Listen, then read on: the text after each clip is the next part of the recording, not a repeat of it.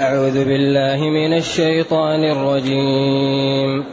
وقاسمهما إني لكما لمن الناصحين. فدلاهما بغرور فلما ذاقا الشجرة بدت لهما سوآتهما وطفقا يخصفان عليهما من ورق الجنة. وناداهما ربهما ألم أنهكما عن تلكما الشجرة وأقل لكما وأقل لكما إن الشيطان لكما عدو مبين. قالا ربنا ظلمنا أنفسنا وإن لم تغفر لنا وترحمنا لنكونن من الخاسرين. قال اهبطوا بعضكم لبعض عدو. ولكم في الأرض مستقر ومتاع إلى حين قال فيها تحيون وفيها تموتون ومنها تخرجون. الحمد لله الذي أنزل إلينا أشمل الكتاب وأرسل إلينا أفضل الرسل وجعلنا خير أمة أخرجت للناس. فله الحمد وله الشكر على هذه النعم العظيمة والآلاء الجسيمة والصلاة والسلام على خير خلق الله. وعلى آله وأصحابه ومن اهتدى بهداه. أما بعد فإن الله تعالى يبين في هذه الآيات خطورة الشيطان مع بني آدم. وأنه يحاول إغواءهم وإضلالهم. وربنا جل وعلا يغفر لنا ويبين لنا الطرق النجاة. وقاسمهما أولا فوسوس لهما الشيطان ليبدي لهما ما وري عنهما من سوآتهما. وقال ما نهاكما ربكما عن هذه الشجرة إلا أن تكونا ملكين أو تكونا من الخالدين. الوسوسة هو الكلام الخفي. وسوس يوسوس وسوسة. إذا كلمه كلاما متتابعا خفيا. ومنه الوسواس. الإنسان يكون دائما مع نفسه يتكلم كذا يكون معه اختلال. قال تسمع للحلي وسواسا إذا انصرفت صوت خفي. كما استعان بريح عشرق زجلو. نعم. هذا أعشاء كبير في معلقته. فالوسواس هو الصوت الخفي. فهو يوسوس لهم ويأتيهم من مكان من مكان الرغبة. يقول لهم هل أدلكم على شجرة الخلد وملك لا يبلى؟ يعني من أكل منها لا يخرج من الجنة ولا يموت. وقاسمهما إني لكما لمن الناصحين. فآدم يقول مسلم يعني عبد يحلف بالكذب ما كان يظن. فهو لما حلف له صدقه. أقسم له. وقيل قاسمهما يعني بين لهما. إن كان الصدق فأنتم تستفيدون وإن كان الكذب فعلي. ما هو عليكم. يعني قاسمهم يعني بين لهم الطرق فإن كان هذا الذي قلت لكم حق فأنتم تربحون. وإن كان كذب أنا اللي كذبت بعدين فدلاهما بغرور التدلي تحت. والغرور هو أن تقول للإنسان أمرا في ظاهره النفع وفي باطنه الهلكة. تقول تعمل عمل ظاهره أنه إيش؟ إكرام ولكن في باطنه العطب. أيوه. صاحب الشبك يضع الحب. ويضع الشبك فيأتي الصيد يريد أن يأكل الحب يرى أنه مكرم به وهو يريد أن يصيده. الذي يريد أن يقتل الأشياء الضارة يضع لها في, في, في العسل إيش؟ السم. فهي تظن عسل وهو في داخله العطب. هذا هو أن تغر أن تظهر له ما به تكرمه وفي داخله أن توبقه به. إذا فدلاهما بغرور. ولذلك لا يوجد شيء أضر على بني آدم من الشيطان. إن الشيطان لكم عدو فاتخذوه عدوا. قل لعبادي يقولوا التي هي أحسن إن الشيطان ينزغ بينهم. فبعزتك لأغوينهم أجمعين. فلآتينهم من بين أيديهم ومن خلفهم وعن أيمانهم وعن شمائلهم حتى قال الله ولقد صدق عليهم إبليس ظنه وهو قول فبعزتك لأغوينهم. قالها ظنا. ولكن الله تعالى جعل المتقين والمستقيمين والطيبين لا سبيل للشيطان عليهم. العبد إذا كان لله الله يحميه من الشيطان. إن عبادي ليس لك عليهم سلطان. إنما سلطانه على الذين يتولونه. ولذلك كثير من المفسرين عند قوله تعالى وما أرسلنا من رسول ولا نبي إلا إذا تمنى ألقى الشيطان في أمنيته فينسخ الله ما يلقي الشيطان ثم يحكم الله آياته والله عليم حكيم. قال كثير من المفسرين أن النبي صلى الله عليه وسلم كان يقرأ وأن الشيطان قال على لسانه إن الغرانيق العلا وإن شفاعتهن لترتجى. فسجدوا وسجد الكفار والحديث هذا حتى إن الحافظ بن حجر لكثرة طرقه قال إنه حسن. والصحيح أن هذا الحديث لا يصح متنا ولا سندا. لأن سنده لا يصح. ومتن فيه علة أيضا لا يصح.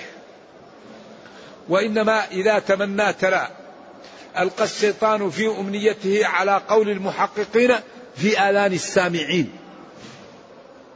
تذكر كذا أفعل كذا بحيث إذا قرأ القارئ أو الإمام المأمومون يأتيهم الشيطان ولا يتركهم يتابعون الإمام. تذكر كذا أفعل كذا أعمل كذا حتى إذا تلا ألقى الشيطان في أمنية في تلاوته في آذان السامعين ما به يوسوس عليهم ويشوش وما يجعلهم يسمعون التلاوة.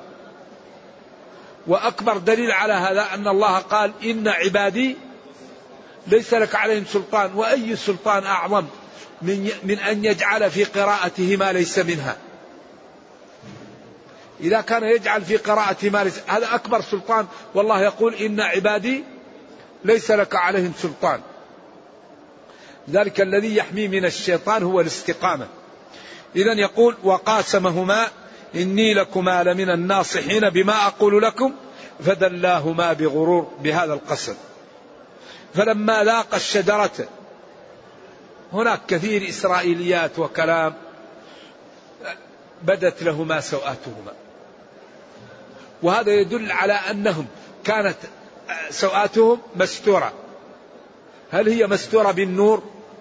هل هي مستورة بالستر؟ يعني رقيق لا يرى. هل هي مستورة بالأظافر؟ قيل كان جسم الإنسان كله ملبس بمثل الأظافر. نعم. وقيل بقية الأظافر لتذكره بالنعم وتخوفه من الذنوب. لأن هذا اللباس الذي كان عليه أزيل عنه ولم يبق منه إلا الأظافر بسبب إيش؟ المعصية. فلما لاقى الشجرة وأكلا منها بدت لهما سوآتهما. والله قال له يا آدم أنت وزوجك لكم الجنة كلا من حيث شئتما من أي مكان ولا تقربا هذه الشجرة. هذه الشجرة لا يعلمها إلا الله. لأنها لم تذكر في النصوص وكل شجرة قيل الحنطة الحبة الطلح ما تعرف. زي لون أصحاب الكهف. والشجر الذي عملت منه سفينة إيش؟ نوح. هذا من الذي علمه لا يضر وجهله لا ينفع. إذا أكلا من تلك الشجرة الذي قال لهم ربهم لا تقرب هذه الشجرة.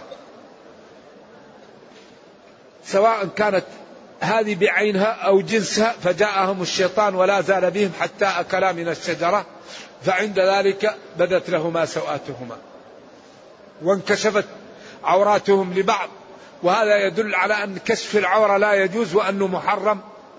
ولذلك منهي عن أن المسلم يكشف عورته وعورة الرجل معروفة والمرأة. ولذلك لا تقبل صلاة الإنسان إذا كشفت عورته لأنه قال خذوا زينتكم عند كل مسجد أي اللباس على أقل تقدير. وطفقا يخصفان طفقا يفعل إذا بدأ يفعل. كجعل طفقا بدأ يخصفان يجمعان عليهما من ورق الجنة. قيل ورق التين وقيل ورق الموز. وناداهما ربهما. ألم أنهكما قال عن تلكما. وهي الشجرة يعني جعل الخطاب يعني الإشارة لهما لوجود الخطاب الأول لهما. ألم أنهكما ما قال عن تلك الشجرة عن تلكما. ذلك أيوة قال أشار بتلكما لأن المخاطبين تثنية أول ألم أنهكما فقال عن تلكما الشجرة. وأقل لكما إن الشيطان لكما عدو مبين. إذا هنا الله يبين لآدم وحواء أن أنه نهاهم عن هذا وأخبرهم أن الشيطان لهما عدو مبين. لم يكن منهما إلا أن قالا ربنا ظلمنا أنفسنا. ظلمنا أنفسنا بمعصيتنا ومخالفتنا. وإن لم تغفر لنا وترحمنا لنكونن من الناقصين حظوظهم. ولذلك هنا آدم تاب وأناب ورجع فعصى آدم ربه ثم اجتباه ربه وتاب عليه وهدى. أما إبليس عياذا بالله فعلى طول تمرد وقال أنا خير منه خلقتني من نار وخلقته من طين وهذا الذي قلت يا ربي خطأ لأني أنا من النار وهو من الطين والنار أحسن من الطين وكيف يسجد الرفيع للوضيع؟ إذا كلامك يا ربي أعوذ بالله ليس في محله. فهلك. قال اخرج منها مذءوما مطرودا ملوما خسيسا محتقرا. إذا قال آدم وحواء يا ربنا ظلمنا أنفسنا. يعني أوقعنا أنفسنا في موقع لا يحل لنا أن نفعله. وإن لم تسترنا وتغفر لنا وتتب علينا وترحمنا مما فعلنا لنكونن من الخاسرين الناقصين حظوظهم عند عندك يا ربي. قال لهم الله اهبطوا. قلنا قال الله لهم اهبطوا. آدم وحواء. وقيل إبليس أنه كان في السماء. وقيل كان في الجنة. بعضكم لبعض عدو. ومن من قال اهبطوا آدم وحواء بعضكم لبعض أبناؤكم.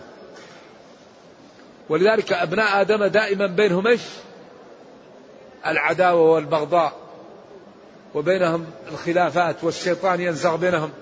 وأول قتل حصل من الحسد قتل قابيل هابيل. والإسلام يأمر بإصلاح ذات البين وبالبعد عن الخلاف وعدم الفتن ويرى أن أساس يعني الفتن بين الخلق ناشئة عن محبة ماذا المال والجاه المال والشرف. كل مشكلة سببها المال والشرف المال والجاه. ولذلك إذا أردنا أن نزيل الخلافات بين المسلمين فكل واحد يترك جزءا من ماله وجزءا من جاهه لإخوانه. تأتي بيننا الألفة والمحبة. وإذا كان كل واحد منا يريد أن يأخذ حقه كاملا جاءت بيننا النفرة وجاءت بيننا الشقاق. لذلك في حديث الترمذي ما ذئبان جائعان أرسلا في غنم بأفسد لها من حب المرء للشرف والمال لدينه. فمحبة الشرف والمال للدين تفسد الدين كما تفسد الذئاب قطيع الغنم. أولا تقتله. ما تخلي ولو شبعت تقتل الباقي. كذلك هذا الشرف محبة الجاه والمال تفسد الدين. إذا اهبطوا منها. اهبطوا من الجنة أو من السماء. بعضكم لبعض عدو أي آدم وذريته أعداء لإبليس أو بعض أولاد آدم أعداء لبعض. ومما ينبغي أن نهتم به وأن نعتني به وأن نفتح له المؤسسات أن يكون بين المسلمين من التفاهم ما به يجعلون الخلافات بينهم منتجة لا تكون سبب في تعطيل العمل وتعويق الإنتاج. كيف ندير خلافاتنا إدارة حضارية منتجة؟ لأن الخلق لا يمكن أن يتفقوا. وكثير من الخلاف سائق. فإذا اختلفنا كيف ندير الخلاف إدارة منتجة؟ لماذا إذا اختلف الأخ مع أخيه؟ كل واحد يريد أن يبطل ما عند الآخر ويريد أن يفسد ما عند الآخر. فالخلاف طبيعة. الصحابة لما حجوا بعضهم قال إن الإفراد أفضل وبعضهم قال إن القران أفضل وبعضهم قال إن التمتع أفضل. وما قال له أنت ضال تقول هذا ولا فيهم أحد سب أحد. وعائشة وابن عباس اختلفوا في الإسراء. هل الله النبي صلى الله عليه وسلم رأى ربه أم لم يره؟ وما قال له انت ضال ولما أرسلهم إلى بني قريظة بعضهم صلى في الطريق وبعضهم أخر حتى وصل وما قال له أنت ضللت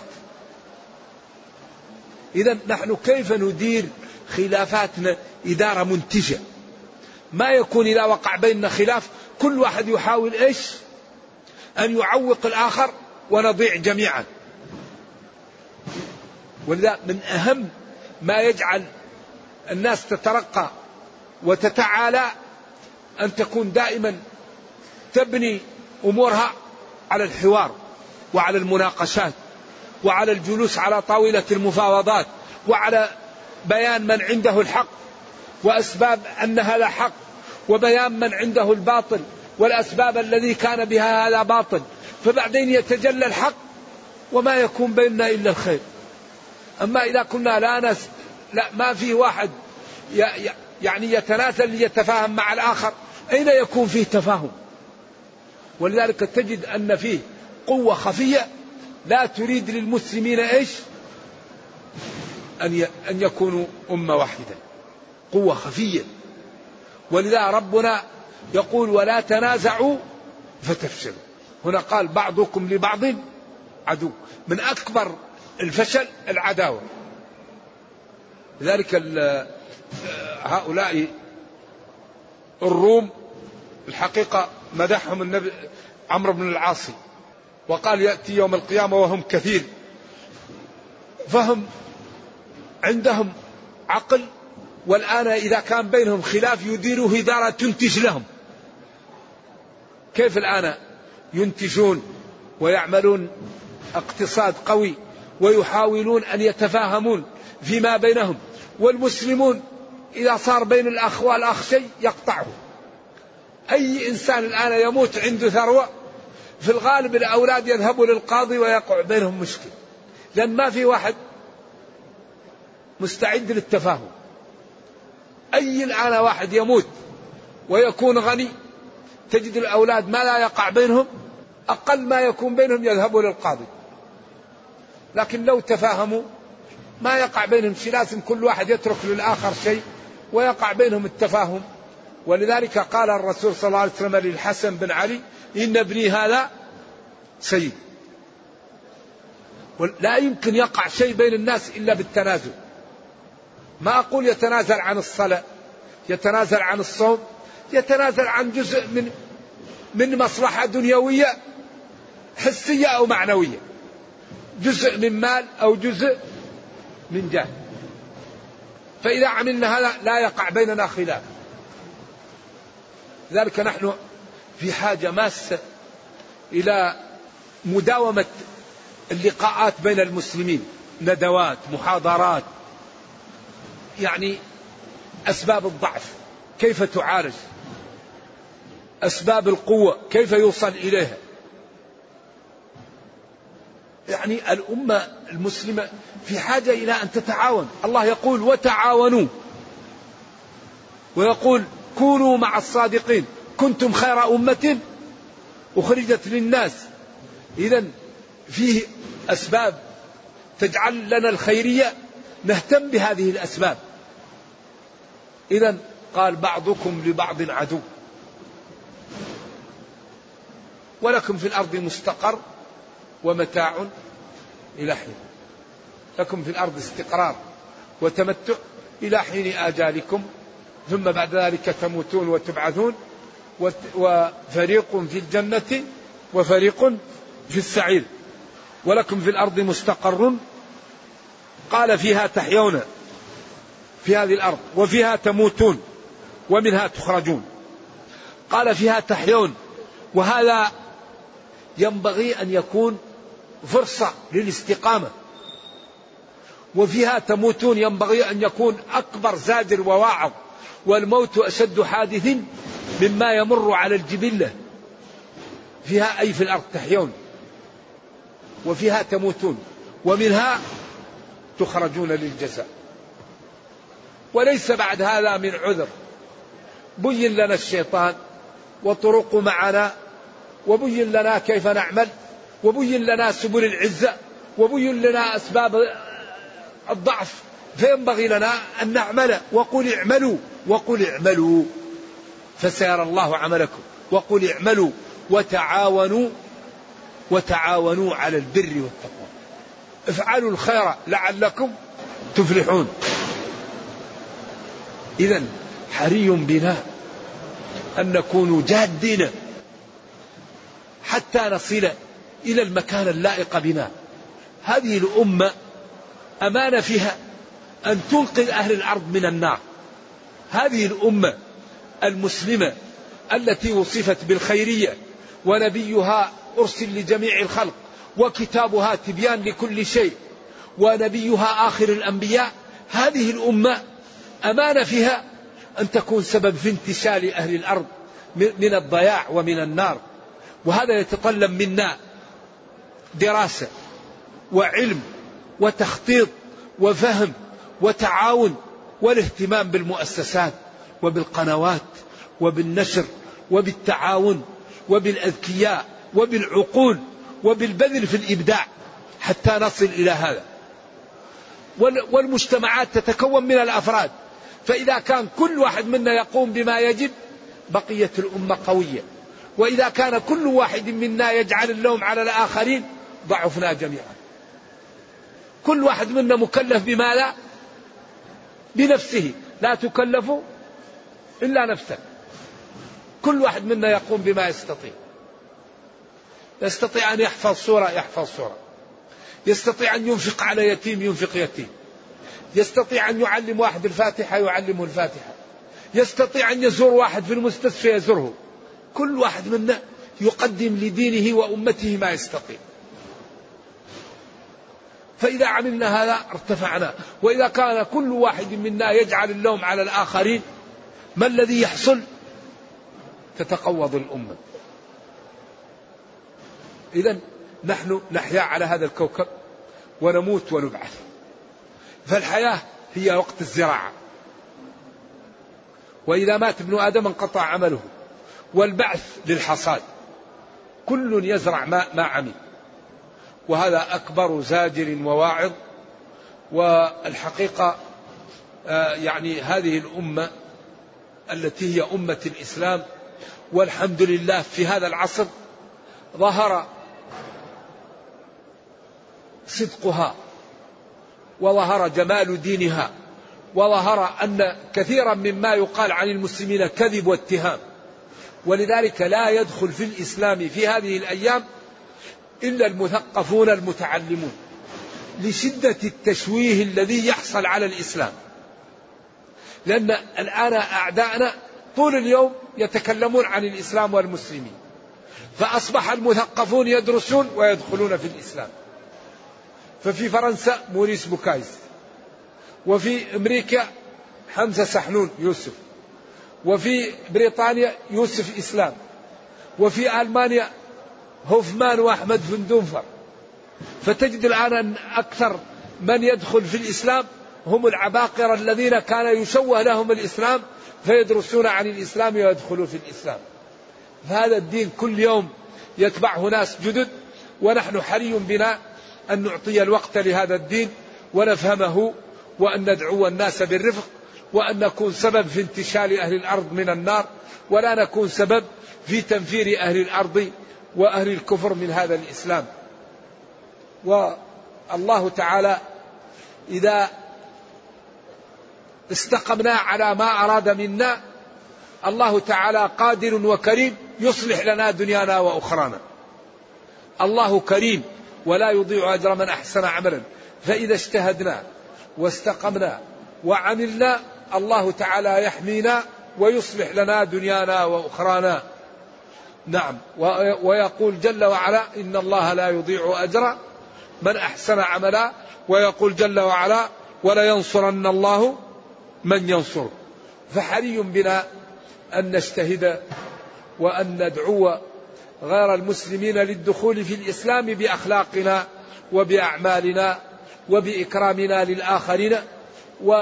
والدين الإسلامي جعل جزءا من دخله لتأليف الناس للإسلام. الدخل العام للمسلمين جزء منه لإكرام غير المسلمين دخولهم في الإسلام والمؤلفة قلوبهم. والله يقول وقولوا للناس حسنا فهذا الدين يهتم بإكرام الآخرين وبإظهاره مظهرا جميل فحري بنا جميعا أن لا يؤتى للإسلام من جهاتنا.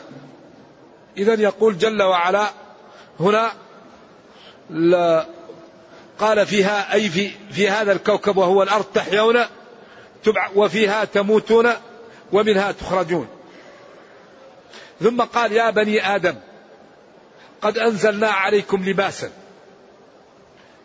يواري سوآتكم وريشا. أنزلنا عليكم لباسا. قال أنزلناه لأن كل الأشياء من المطر والمطر نزل من السماء. أيوة. لأن اللباس يعمل من ماذا؟ من النسيج القطن أو من الخز. وكل هذا يأتي من المطر. يواري سوآتكم وريشا. ريشا ما تتجملون به. سمي ريش لأنه مثل ريش الطائر. يلبس ويتجمل به. ثم قال ولباس التقوى ذلك خير أو ولباس التقوى ذلك خير. أنزلنا عليكم لباسا ويواري سوآتكم وأنزلنا إليكم ريشا وأنزلنا إليكم لباس التقوى أو ولباس التقوى. فسمى التقوى هنا لباس من باب التوسع في العبارة لأن التقي يكون أخلاقه وأعماله كأنها لباس له جميل لأنه لا يقول كلاما خسيسا ولا يتحرك تحركا مريبا فهو يلبس التقى والتقى يجمل صاحبه لحسن صفاته كما أن الريش وهو ما يلبس للجمال يجمل صاحبه. إذا أنزلنا عليكم لباسا وهو هذه الثياب التي تستر عوراتكم وأنزلنا عليكم أيضا ريشا ما تتجملون به من الثياب التي تصنعونها كالريش يجمل به. ثم بين لهم قال ولباس التقوى ذلك خير. أو ولباس التقوى ذلك خير. لباس التقوى هو ما يكون عليه المسلم من أخ من الأخلاق الحميد والآداب الجميلة فإنه كأنه يلبسها. لا ينظر نظرة ولا يتكلم كلام غير طيب ولا يفعل غير طيب فتراه كأنه جعل التقى درعا أو ثوبا أو عباءة لبسها. بعدين قال وهذا الحقيقة يبين أن التقوى أحسن وأنفع من اللباس والريش لأنه قال ولباس التقوى ذلك خير ذلك من آيات الله لعلهم يذكرون. ذلك المذكور المبين من آيات الله وبراهينه على صدق نبيه ووحدانيته. لعلهم يتأملون فيتذكرون أن ما هم عليه باطل وأن ما جاء به محمد صلى الله عليه وسلم وأمرهم باتباعه هو الحق. نعم نكتفي بهذا ونرجو الله جل وعلا أن يرينا الحق حقا ويرزقنا اتباعه وأن يرينا الباطل باطلا ويرزقنا اجتنابه وأن لا يجعل الأمر ملتبسا علينا فنضل. سبحان ربك رب العزة عما يصفون وسلام على المرسلين والحمد لله رب العالمين.